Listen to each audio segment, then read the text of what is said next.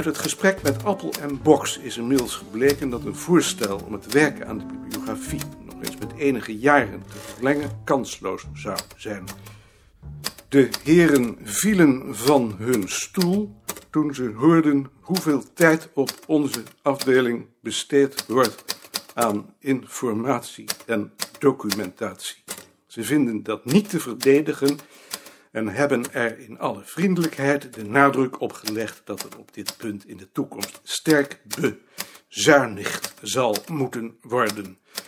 Documentatie moet naar hun mening direct gericht zijn op lopend onderzoek. Jouw rapport, dat ik hen dus niet heb laten lezen, zou zich in dit klimaat tegen het muziekarchief keren. Hoewel ik hun standpunt niet deel, volgens Mark en Ad te koppig, vond ik dat voor jouw bibliografie geen ramp. Ik dacht namelijk dat jij de conclusie al had getrokken en er vrede mee had. Wanneer ik je nu vraag of je bereid bent om het project zo mogelijk binnen de gestelde termijn medio 1982 af te ronden met een vereenvoudigde vorm van titelbeschrijven, dan betekent dat niet dat ik het werk dat je daarvoor gedaan hebt niet serieus neem. Je hebt er alleen geen voorstelling van hoe het klimaat hier de laatste anderhalf jaar veranderd is en met welke bezuinigingen wij op korte termijn rekening moeten houden. Een bibliografie zou de positie van het muziekarchief versterken als ze op korte termijn verscheen. Ze zou haar verzwakken als het nog langer duurde. Waarom heb je het gevoel dat ik je met mijn verzoek iets in de schoenen schuif? Ik vind dat een treurig makende opmerking. Met vriendelijke groet, Maarten.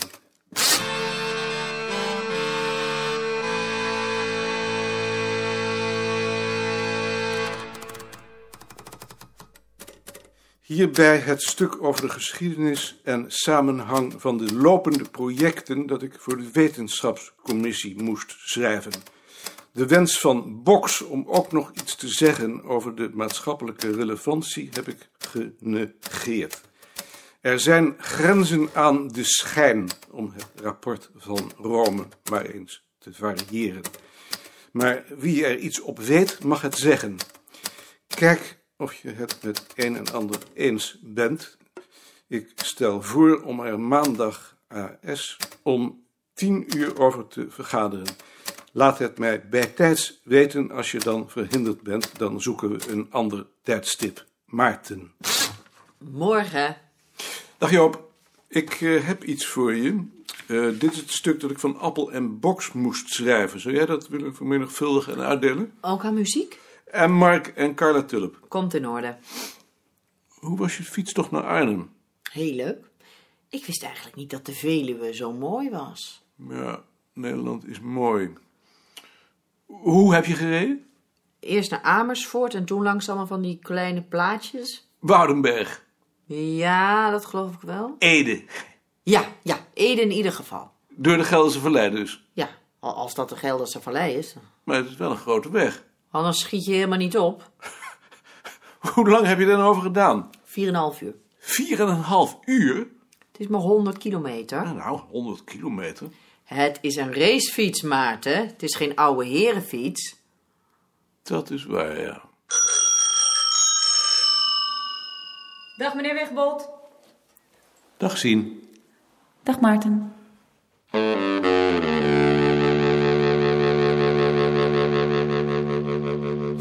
Ad, ik vraag me af of het wat zou zijn om een keer met z'n allen een bezoek aan het instituut van Gunterman te brengen. Omdat Bouwknecht hier ook een paar keer geweest is. Wat wou je daar dan doen? Kijken of we kunnen samenwerken op het gebied van de boedelbeschrijvingen en horen hoe zij dat aanpakken. Het verhoogt bovendien ons prestige bij het departement. We zouden natuurlijk ook met Appel kunnen samenwerken. Ik denk niet dat Appel ons zoveel te bieden heeft. Nee. En het lijkt me ook niet zo nodig dat Appel overal met zijn neus bovenop staat. Misschien wil je er eens over nadenken? Ik ben even naar Hans. Dag Hans. Ah. Dag Maarten. Heb je het druk? Heb je wat voor me? Ehm, ik moet volgende maand in Bonn een lezing houden over de overgang van vlechtwerk op baksteen in Holland in de 16e eeuw. Oh, ja. En dan zou ik graag een dia willen hebben van deze kaart. Maar dan zo dat die Duitsers zien wat veen was en wat klei en waar de dorpen lagen. Want daar hebben ze natuurlijk geen voorstelling van. Eh, Ja. Ja. De gegevens vind je op deze kaart en op de volgende over de kerkelijke indeling. Zou jij dat kunnen tekenen? Ja, dat zou eigenlijk wel moeten kunnen, ja.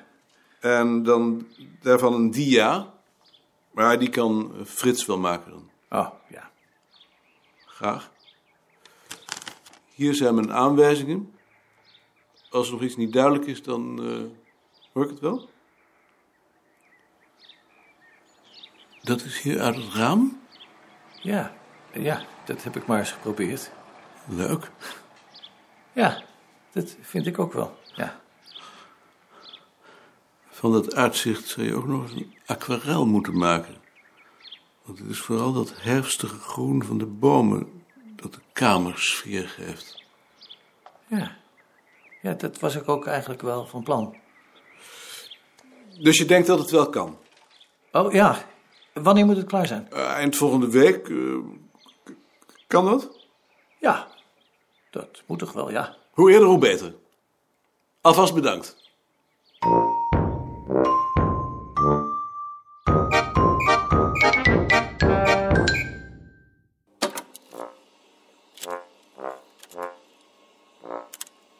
Dag Carla. Hallo, Schiet je op?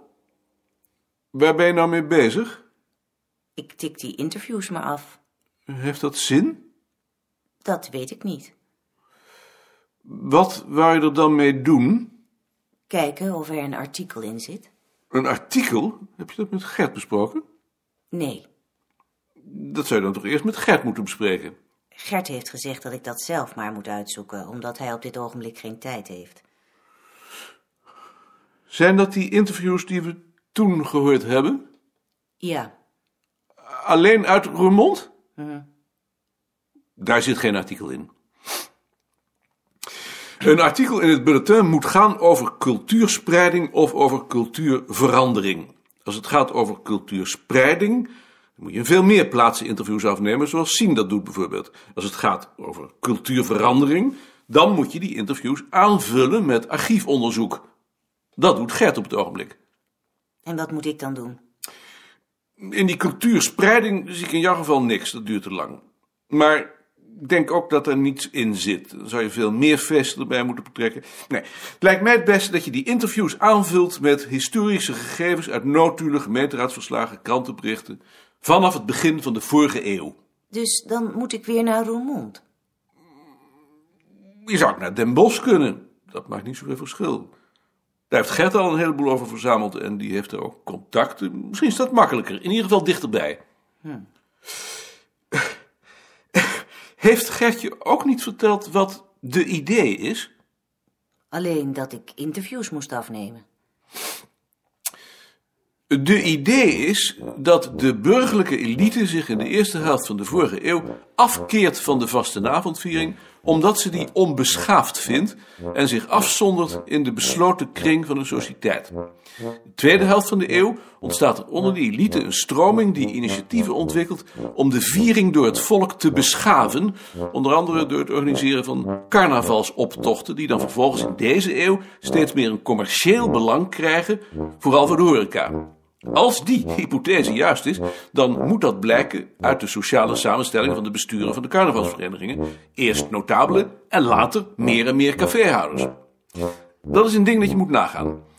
En verder moet je uit krantenberichten en de gemeenteraadsverslagen een indruk zien te krijgen van de motieven en de belangen die een rol spelen.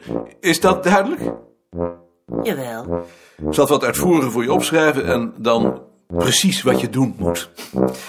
En dan moet je bij Gert als hij terug is maar vragen naar zijn gegevens. Goed? Oh,